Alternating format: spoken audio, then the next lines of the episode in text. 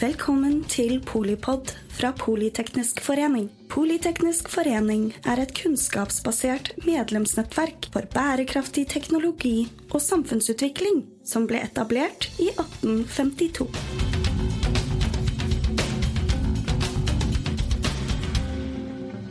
Hva skjer med kroppen vår når vi blir eldre? Og er det egentlig noen måter å reversere eller stoppe biologisk aldring på? Hva mener de ulike forskerne om saken? I denne episoden av Polipod lærer du mer om dette når du hører et utdrag fra Bokbadet av Yngre, skrevet av Hanne Finstad på Kagge forlag. Hallo og hjertelig velkommen til Politeknisk forening og dette Bokbadet. Mitt navn er Kristin Vinje, og jeg har fått gleden av å være bademester i dag. Jeg er visepresident i Politeknisk forening. Også til daglig leder jeg NOKUT, som er nasjonalt organ for kvalitetssikring i høyere utdanning. Men i dag skal vi snakke om alder, og vi skal ha en boklansering av boka 'Yngre', som er skrevet av Hanne Finstad.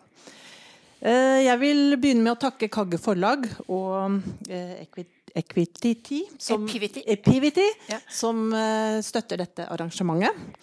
Og så har jeg lyst til å si at Politeknisk forening har denne serien med bokbad med, sammen med forlag for, om, for, å fremme sakprosa. Og denne boka her er et ledd i den serien med bokbad som vi arrangerer her på Politeknisk forening. Og så må jeg gi dere en liten praktisk opplysning.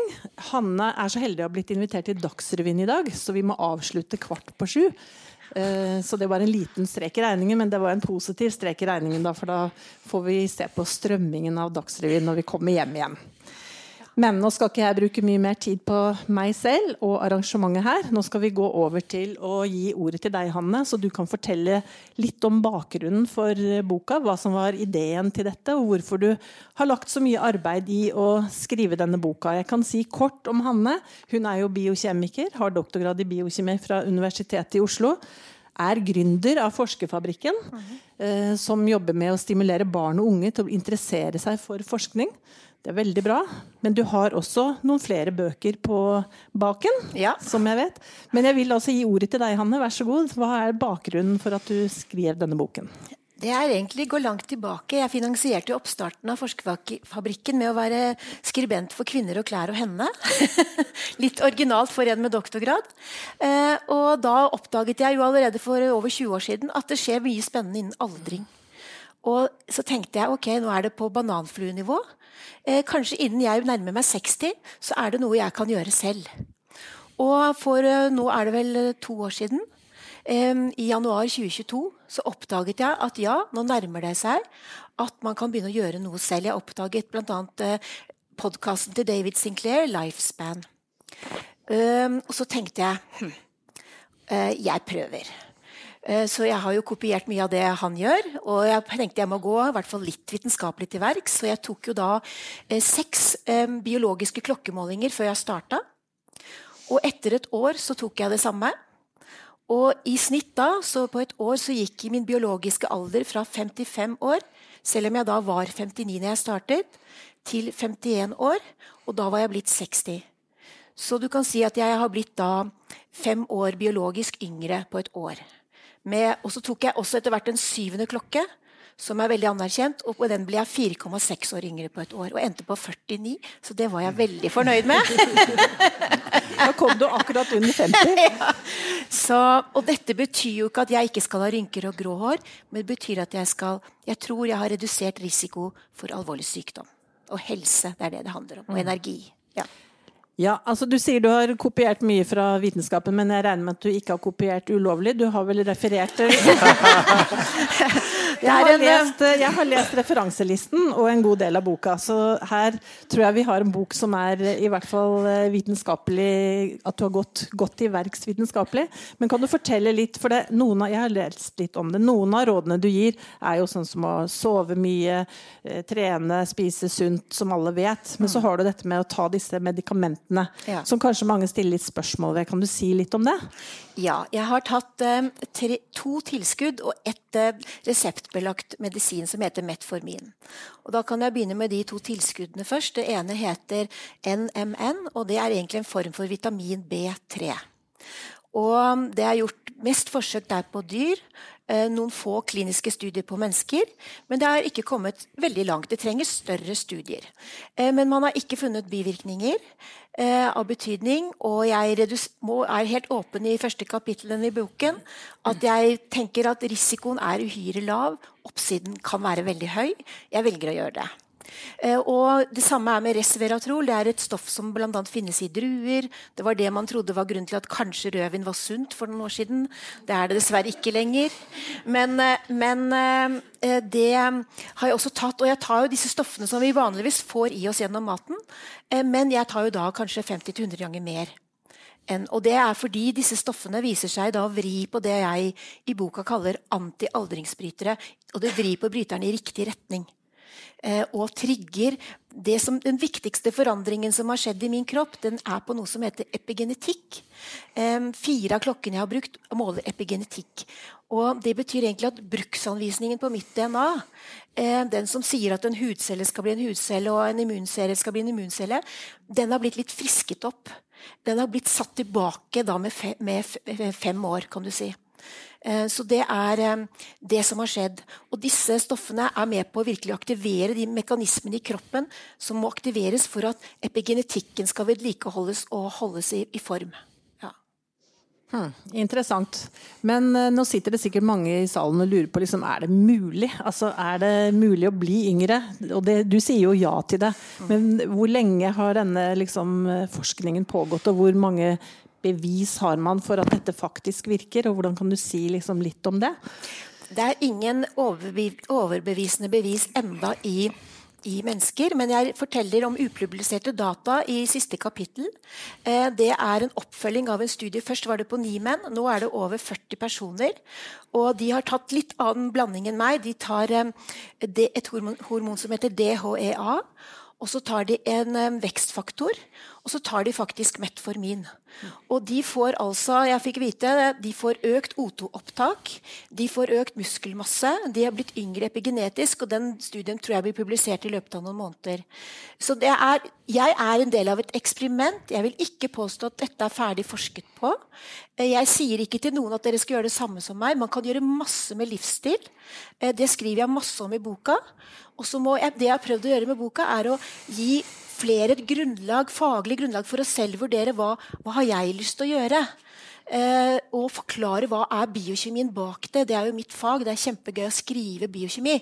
Så jeg har egentlig det er det som tanken min, da. Mm. Mm. Spennende. Jeg er jo kjemiker selv, så jeg blir jo veldig glad når du sier sånn kanskje flere folk får lyst til å studere naturvitenskap og kjemi og biokjemi og sånne ting. Det er jo veldig spennende. Men kan du hva er det de største kritikerne sier til deg, da? Som, eh, som tviler på dette, eller som syns du er gæren, eller som på en måte syns du tar altfor stor risiko? For du vet jo faktisk ikke helt om uh, disse store mengdene du tar av disse stoffene kan ha noen skumle bivirkninger? Nei, det, det er helt riktig. Og det er blant annet, uh, jeg skriver litt om det òg, at man, noen forskere frykter at NMN Hvis du f.eks. har kreftceller i kroppen, så kan de også bli stimulert. Så det er noe noen frykter. Jeg er jo selv kreftforsker, vært kreftforsker. Mm. Og jeg, som sagt, jeg vurderer jo den risikoen som veldig liten. da. Og har selvfølgelig også, Jeg følger jo screeningprogram på mammografi. Jeg har tatt en del sjekker da, på meg selv før jeg startet med dette her. Jeg har eh, tatt koloskopi og gastroskopi og tatt litt av hvert for å sjekke at jeg ikke hadde noe svære kreft på gang. Så det har jeg på en måte gjort, da. Hmm. Eh, og det Uh, det, folk, det, er derfor folk må vurdere det selv. Mm. Mm. Uh, når det gjelder metformin, så har jeg høyt langtidsblodsukker. Det er på vei ned. Jeg holder på å få kontroll på søtsuget mitt også nå. Mm. Uh, men Det fikk jeg da på resept pga. det. Men det viser seg å ha også denne bivirkningen, tror man, det er ikke ferdig forsket på, at det kan forebygge for en del aldersrelaterte sykdommer. Og man vet at den også påvirker disse antialdringsbryterne på gunstige måter. Mm. Det er jo veldig mye spennende som skjer på fedmeforskning også, med, med sukkersykemedikamenter. Ja. Liksom, og siden du nevner det, liksom, hva kan du si noe om sammenhengen her? Det, er i hvert fall, det man ser, er jo at en medisin som var ment for diabetes, hadde andre bivirkninger. Mm. Eh, og det kan jo hende her. Og det som er spennende med metformin, er jo at det er jo ikke lenger patentbelagt. Så det er jo noe som faktisk mange kan få til en overkommelig pris. Mm. Eh, så det er en spennende ting. Men det er som sagt, det går en stor klinisk studie nå på mennesker på det. Så det vil fremtiden vise. Mm. Hmm. Jeg lurer på om vi skal invitere et lite ekspertpanel opp her, så vi kan få en samtale. Og da vil jeg ønske Geir Selbekk velkommen. Asta Kristin Håberg og Evandro Fang på scenen. Og da skal jeg begynne med Geir Selbekk, som er forskningssjef på Nasjonalt senter for aldring og helse, og som er professor ved Institutt for klinisk medisin ved Universitetet i Oslo. Hva er din eh, første reaksjon på, dette, på, denne boka? Jeg hørte deg faktisk i Helgemorgen, hvor du og Hanne hadde en samtale som var veldig interessant. Ja. Men uh, det er ikke sikkert alle hørte den, så jeg vil gjerne stille deg et åpent spørsmål. Hva du tenker om denne boka? Det første reaksjonen min da jeg leste den, var jo at oi, det her var veldig godt skrevet. Eh, det må jeg si. Og første kapitlet særlig vil jeg anbefale alle akademikere som eh, føler at de ikke helt tar taket på genetikk og epigenetikk, å lese. Veldig godt fremstilt. Mm. Og så syns jeg da at det budskapet som jeg sitter igjen med etterpå, som jeg får i denne boka, her, det er veldig problematisk. Og jeg er dypt uenig i det. Mm. Uh, Ut ifra hva jeg mener folk skal gjøre, uh, og hva det er vi vet, uh, og kunnskap som gjør at vi skal både endre livsstil, ta medikamenter, måle biologiske ting. Jeg tror ikke det er godt for oss, og jeg tror ikke det er bærekraftig. Så du er skeptisk ut ifra et samfunnsmedisinsk eh, perspektiv, eller ja. generelt også på personnivå? På, særlig på personnivå. Mm. egentlig. Eh, og det handler egentlig ikke bare om boka. her. Det, handler, det her er jo en strømning som er noe som er i samfunnet nå. Mm. Det her med Hva skal vi gjøre med aldring? Skal vi for enhver pris unngå aldring? Skal vi måle ting? Skal vi måle alt? Jeg mener for eksempel, Vi har ikke, noe, vi har ikke bruk for å måle biologisk alder. Eh, for det første så er målingen altfor usikker per nå. Mm -hmm. Og gitt at den var mer sikker, hva skulle jeg bruke det til? Jeg kan måle masse ting. Jeg kan merke hver gang jeg reiser meg. Jeg. Hvor tungt det er å reise meg, og hvor andpustende blir når jeg løper opp en bakke. Eller hvor fed up jeg blir når jeg spiser mye. Da merker jeg hvor gammel du er. Mm. Da setter jeg litt på spissen, men jeg tror ikke vi trenger en ny målemetode som vi skal sammenligne oss med andre ut ifra. Ja. Nei, vi skal komme tilbake til det. Jeg skal introdusere deg, Asta Kristine Håberg. Du er forsker eh, på fysisk helse og aldring eh, ved NTNU, og så har du en bistilling ved Folkehelseinstituttet. Eh, hva tenker du om, om innholdet i boka og forskningen som ligger bak her? Jeg syns også at det var artig å lese boka. Mm -hmm. Jeg syns at du, Hanne, du har jo sånn formidlingsglede.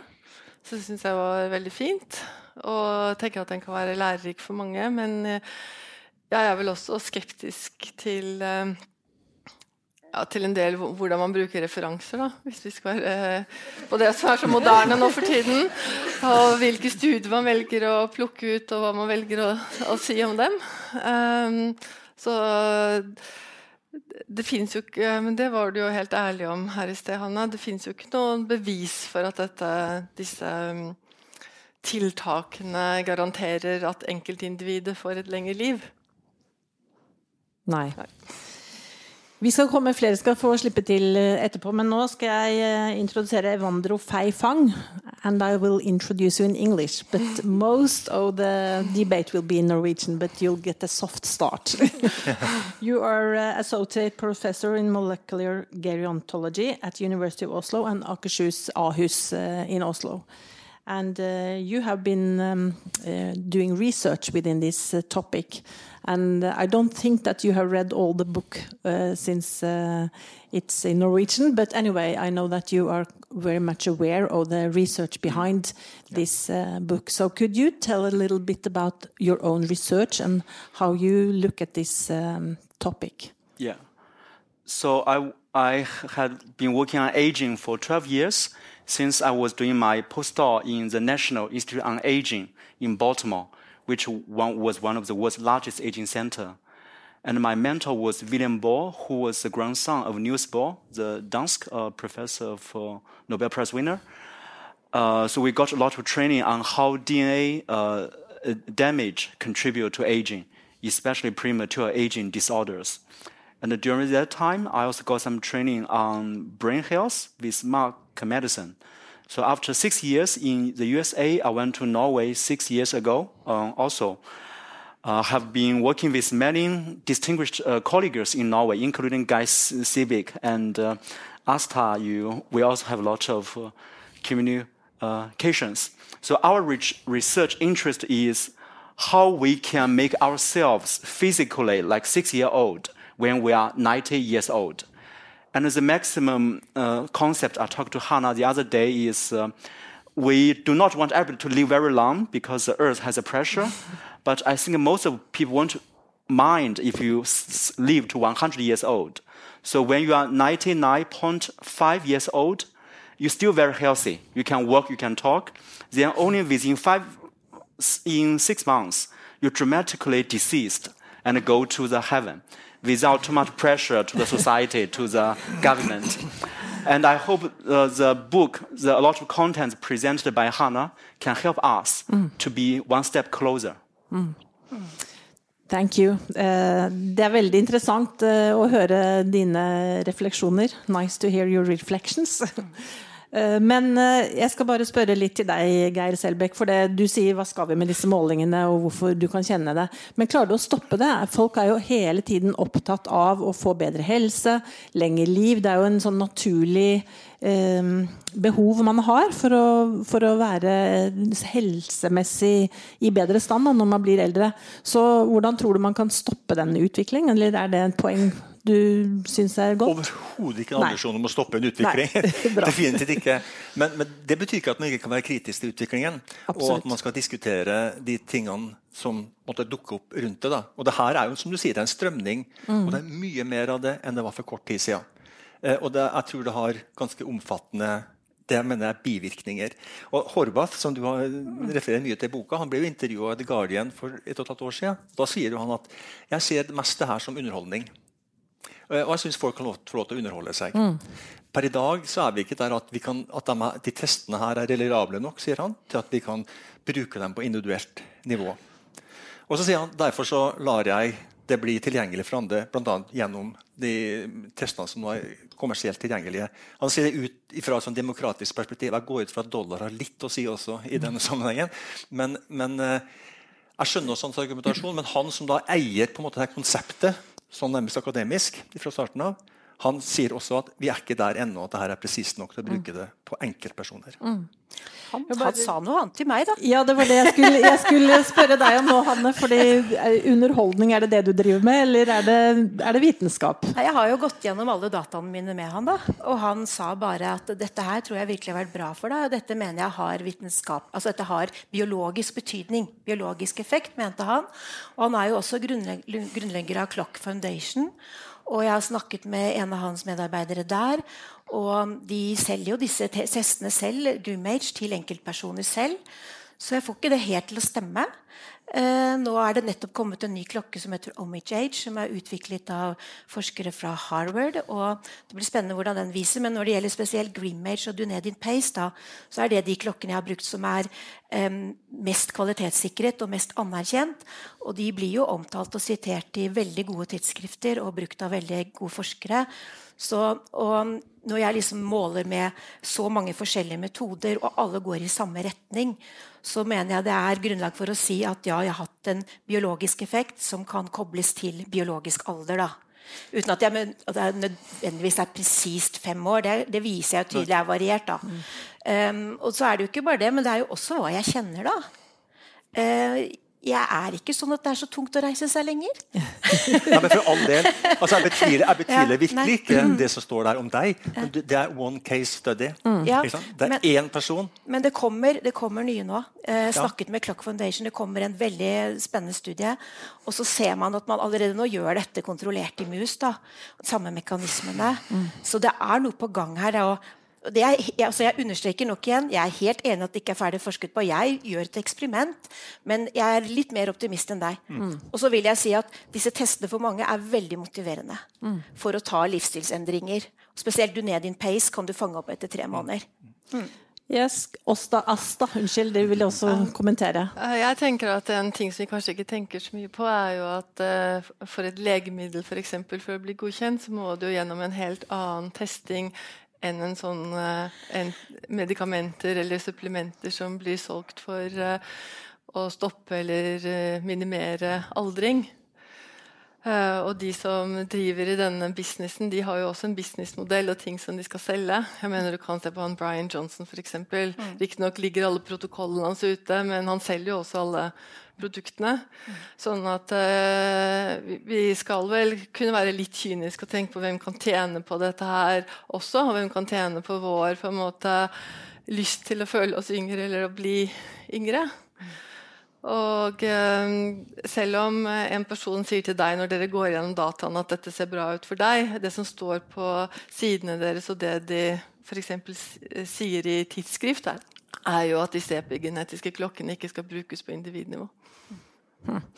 Ja, eh, Men eh, Asta, et sted begynner jo utviklingen. liksom når vi, Trender starter jo med et sted hvor man på en måte utvikler etter hvert med flere samples. Han er jo veldig tydelig på at hun er kun én sample. Og det er klart at eh, du er veldig klar på at det ikke er et vitenskapelig bevis på at det eksperimentet ditt uh, virker. Men, eh, men jeg mener alle sånne Men hvis du utviklinger tar metformin, da, for eksempel, Ja. som har vært kjent veldig lenge at det er et antidiabetisk medikament som har hatt som en veldig heldig bieffekt f.eks. å redusere Alzheimer-risiko hos pasienter med diabetes type 2. Det er jo en super bivirkning. Ehm, så har man jo jeg har sjekket på det der um, clinicaltrials.gov eh, tidligere denne uka siden jeg skulle komme hit. og Det er tre studier som er registrert, da, som skal gjøre randomiserte, kontrollerte studier av den effekten. Det første startet i 2015. og Ingen av dem har publisert noen resultater ennå. Og det må jeg si, det gjør ikke meg spesielt uh, tillitsfull til at dette kommer til å være revolusjonerende positive effekter. So, Evandro, uh, what is your view on the future of this uh, topic, this field of research? Do you believe it's going to revolutionize uh, age discussions? And do you think it's come far enough, or not far enough, but do you think it's hope for development to use by many people? Do you do you mean the mechanism of aging or the anti-aging? uh, The anti-aging. The, the anti-aging. Um, I think this is a very hot uh, topic, especially when we when there will be less war, when we are become much richer, much more satisfied. Then one day we are getting older, so we are all thinking about how to make ourselves live healthier, can be physically stronger and mentally sharp. And this is a question affects to everybody and every of us. I think that is why this has become a very hot topic over the past uh, 10 to 20 years. Um, if we want to make an older people live healthier and happier, we need to understand why aging is the driver. Uh, there are scientists working in this field for many years, and Hannah has actually summarized in this book. There are many hallmarks of aging. So we, I think, first we need to understand why we are getting, wh- why we are getting older, why, why we lose the muscle, why our memory is bad, why we are more susceptible to have uh, skin cancer when we are older. And then once we know this, we can find a way to s- slow down the generation of disease, as well as to make us physically stronger. Yeah. Ja, altså, eh, jeg skal vel si en ting, Asta. Skal du få ordet, og det skal du òg få, Hanne. Eh, Men kan, alle er enige om at vi kan ikke stoppe aldringsprosessen. Det er en prosess som går uansett. Så, så litt av det som kanskje er mest interessant her, er jo eh, liksom Vi vet demografisk sett at folk kommer til å leve lenger. Flere, å, flere eldre kommer til å dominere befolkningen. Så et poeng i seg selv er jo at de som lever lengre, skal være friskere og ha bedre liv. Og være mindre avhengig av hjelp. Det var det jeg skulle si som et innspill. Men Asta, du hadde det var tenkt å da si noe? akkurat det jeg skal svare på. Ja, det vet vi allerede at skjer. I Tromsø-studien f.eks. så vet vi at de som er 70 nå, er, like, eh, er ti år sprekere enn de som var 70 i- forrige generasjon. Så denne ut, positive utviklingen blant folk i Norge skjer Uavhengig. Også av seg selv, fordi at vi lever sunnere, vi har mindre infeksjonssykdommer. vi spiser bedre, vi har mindre luftforurensning. Alle disse tingene. Det er masse ting som er blitt bedre i Norge. Mm, ja. Men du, du, sa du vil ikke stoppe utviklingen, og det er naturlig at det vil du ikke, Geir. Det er det ingen som vil. Men eh, jeg vil igjen stille spørsmålet liksom når man stadig forstår mer av eh, mekanismene bak molekyler og medikamenter eh, Man blir jo nysgjerrig og ønsker å forstå hvordan disse aldringsprosessene pågår. Og det trigger jo liksom lysten til å gjøre noe med det, da, siden det har så mye negative effekter. Ja, og det, det, er viktig å klare én ting der. Jeg er jo ikke mot at vi forsker på aldring. Det er jo det jeg vier resten av yrkeslivet mitt til. Ja. Eh, men det er en forskjell på også, det sånn, måtte vi snakke om det her på Skal vi kurere aldring, eller skal vi identifisere de faktorene som er knytta til aldring, som gir sykdom? Mm. Det er ingen tvil om at f.eks. Alzheimers sykdom, som er en av de store fremtidige utfordringene, den er knytta til aldring. Mm. Så kan vi forstå aldring bedre, så kan vi trolig også forstå hvordan vi skal behandle mm. Alzheimer bedre. Men, men jeg bør gå litt tilbake til det her med motivasjon. For jeg er helt enig med deg. En positiv mulighet av den klokka det er motivasjon. Men jeg vil påstå at en, en stor bivirkning det er skam, tilkortkommenhet, angst, depresjon. Du er motivert, du greide deg her. Alle de andre som får da den klokkesvaret, eller hva det måtte være for noe, de kan oppleve det som et slag i ansiktet. og Det tror jeg er det samme som skjer jeg sitter i glasshus, jeg sier at folk skal trene mer, de skal drikke mindre, de skal ikke røyke osv. Det er en stor mulighet for at det nettopp skaper skam hos folk. Folk er autonome vesener, men det er ikke noe tvil om at det stadige kjøret med helseinformasjon kan skape uhelse. Mm. Hanne, vær så god. Ja. Nei, jeg har jo opplevd mange som sier at det, når jeg forteller om disse, hvor vi nå holder på å forstå aldringen, at det vi tidligere tenkte på som sunt, faktisk er forringende. At det på en måte påvirker kroppen på den måten. Så får de en helt ny motivasjon for å gjøre livsstilsendringer. da. Mm. så jeg opplever det på en helt annen måte. Men jeg vil sikkert tro at et mindretall har det sånn som deg. Men jeg tror ikke det er flertallet. Men det er klart det er det samme som med pulsklokker. Og det er ikke for alle. Noen blir veldig stresset av pulsklokker. Tar, nei, jeg elsker den, ikke sant? For jeg klarer å overprøve den og tenke ok, du sier det, men jeg tror ikke på deg. Ikke sant? Og så er det noen som blir helt nervevrak av det. Så det er klart det er ikke for alle. Men folk må jo få lov å ta sine valg. Klare å ta det valget, tenker jeg da. Ellers hadde jeg lyst til å få kommentere en ja, ting til. så god. Dette her med eh, legemidler og hvor grundig de blir utprøvd. Det er jo vel og bra. Men så er det jo også sånn som f.eks. resveratrol, som jeg tar. Ingen kan ta patent på resveratrol. Selv har jeg tatt doktorgrad på omega-3. Ingen kan ta patent på omega-3. Men det har vist seg for å være veldig gunstig eller altså, kunne konkurrere med andre medikamenter i forhold til f.eks. For depresjon. Eh, så, så, det er jo noe med at uh, en del av disse kosttilskuddene kan man liksom ikke ta patent på. Derfor så blir det ikke kjørt de store, enormt kostbare studiene. Det blir ikke gjort. Og, og, når det gjelder å tjene penger, så er jo det noe som også gjelder legemiddelbransjen. Det gjør det. Asta? Ja, uh, det er to ting. For det første så er det kjørt mange studier på Revestrol Hva den het for noe? Resveratrol. Ja. Resveratrol. ja. Uh, og jeg har også sjekket opp det, og det er ingen som Jeg klarte ikke å finne en eneste, ikke noen vitenskapelig oppsummering, ingen enkeltstudier som egentlig har noen overbevisende effekt på uh, aldring eller demens eller hukommelse. sånn at man kan jo gjerne ta det, og man kan gjerne bruke penger på det, men man må jo ikke tro at man nødvendigvis som enkeltperson kommer til å eh, ha stor gevinst av det. Bare, ja, bare liksom tilbake til det du sier, Geir, om uh, at man føler seg presset hvis man vet at man uh, bør gjøre slik og sånn. Det kan jo være motsatt også. at liksom, uh, Når man får en kunnskap om hva man selv kan gjøre for å få det bedre, at det kan være motiverende for folk også. Sånn, litt sånn, det kan gå begge veier, tenker jeg. og Det må man jo også være klar over når det gjelder disse type mulighetene folk har til å få informasjon. da. Ja, det, og det er det jeg forsvarer meg med når jeg får kjeft for at jeg har vært i media og snakka om det her. Da sier jeg at ja, man, det er powerment, vi motiverer folk og greier. Men, men, det vet vi strengt tatt ikke. Og jeg tror faktisk ikke det er et mindretall som syns det er tøft. Vi leser det jo masse. Mm. Dette er plussmateriale. ikke sant? Du skal betale for å få se alle de gode rådene, som er de samme nesten hver gang. Mm. Men folk betaler likevel, så det er kjempestor interesse for det. Mm. Men det er veldig få som greier å endre helseatferd. Det vet vi. Jeg kan ikke si at jeg vet om folk får skam eller depresjon, for det har vi ikke undersøkt godt nok. Men det jeg vet, at folk endrer ikke helseatferd i noe særlig grad. Selv om røyking er en av de få tingene vi har greid å endre. Men da brukte vi tvang. lov. Mm. Ja, lov og tvang. Uh, Evandro, uh, you are doing research on these things. Uh, are you using these medications yourself? So, can you tell us about your own experiences?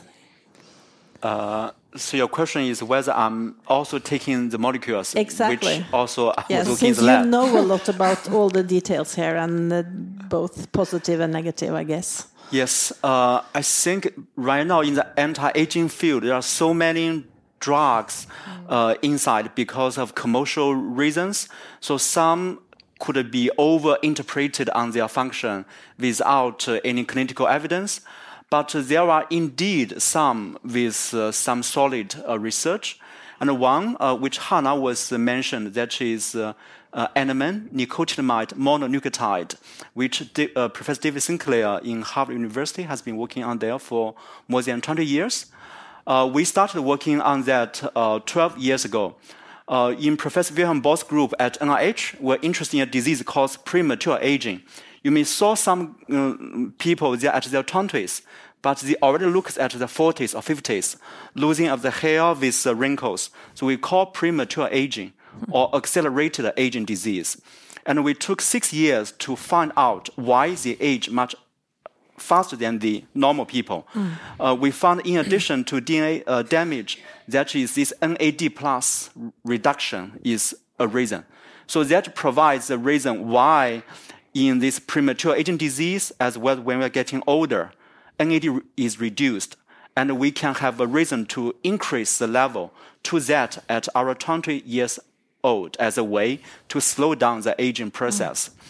Uh, studies from us and many other groups uh, in both uh, research in the animals as well as more than 20 clinical trials showing it is uh, uh, safe at one gram uh, per day. Whether it can slow down the aging, we do not know because the aging process takes many years. But if we use premature aging as an example, as I talked to Hannah when we were meeting in Aarhus, so Professor Hilda Nielsen, uh, I was involved in, we had a two-year clinical trial to giving this uh, NAD Prixer to a premature aging ataxia telangiectasia. Taser. After two years treatment, no side effects. Uh, 12 kids, uh, among them 11 had dramatic uh, behavior mm. Mm. benefits. So that was the thing um, we got as indirect way to show it could be potentially as a way to slow down the aging, mm. although it may not be able to stop the aging. Mm. For det er jo interessant, og Du har jo lært meg masse om NAD pluss og ting rundt det, og som er veldig spennende. og Ikke minst så er det spennende med Parkinson-behandling. det man ja. prøver ut der. Mm. Men det er én ting å skjønne at det er en mekanisme, at det er en sammenheng. Eh, det er jo ikke gitt at det virker likevel, og særlig ikke på friske mennesker. Jeg tenker at Det vi nå har lært om at det her kan virke ved noen sykdommer, kanskje, ikke nødvendigvis er overførbart det som gjelder friske mennesker. Men Men det hadde vært kjempefint om det også virka. det som er veldig fint med dette bokbadet, det er jo at man har ulike meninger, og at det er litt kontroversielle temaer som tas opp. fordi vi ønsker jo å bidra til eh, hva skal jeg si, debatt og kunnskapsdeling, og egentlig sørge for at, eh, at det blir belyst på ulike måter. Så kanskje spørre da eh, Nå skal du snart gå, Hanne, men derfor skal du få liksom si litt av det du ønsker å si før du må rase og gå ut i Dagsrevyen. Vær så god. Det var et åpent spørsmål. åpent spørsmål ja. Det er jo det som er interessant. Da. Det er jo at um, Jeg er ikke alene om å ta disse tilskuddene. Det er jo folk som er helt i forskningsfronten innen aldring, som gjør det samme. Um, men jeg vil understreke at jeg prøver å kommunisere veldig tydelig i boka at livsstil man kommer langt med livsstil. Og eh, trening. ikke sant? Sånne, det vi alltid har hørt. Og at vi må da Jeg jobber jo med å kutte ned på sukker, kutte ned på alkohol. Eh, trening og ja, også vanlige, vanlige vitaminer som vi er vant til. D-vitamin og omega-3. Så det er liksom Jeg har dratt strikken litt ekstra langt fordi jeg var, har gjort et eksperiment. Og, men jeg må innrømme at jeg kommer til å fortsette. Ja. Så dere får følge med i årene som kommer, hvor gammel jeg blir.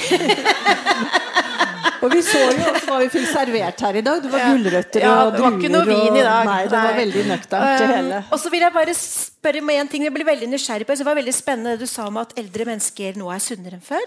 Men hva med alle de unge vi har nå, som er overvektige?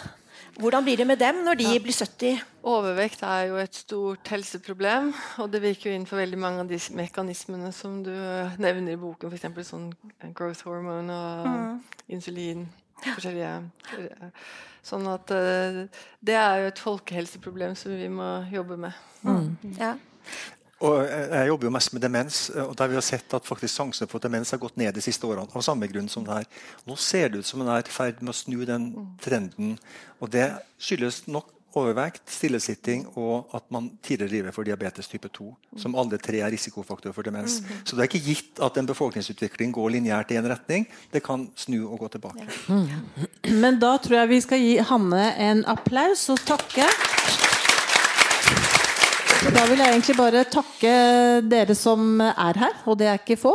Og så vil jeg takke dere som hører på. Og så vil jeg si at vi fortsetter litt her i lokalene når sendingen er ferdig, for de som ønsker det. Og da kan dere også snakke litt med de som sitter i panelet, hvis det er flere ting dere lurer på.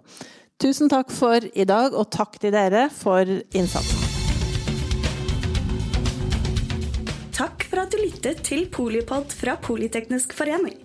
Få med deg flere episoder, eller bli med på nettverksmøtene, som du finner ved å søke at polyteknisk, eller gå på vår hjemmeside polyteknisk.no.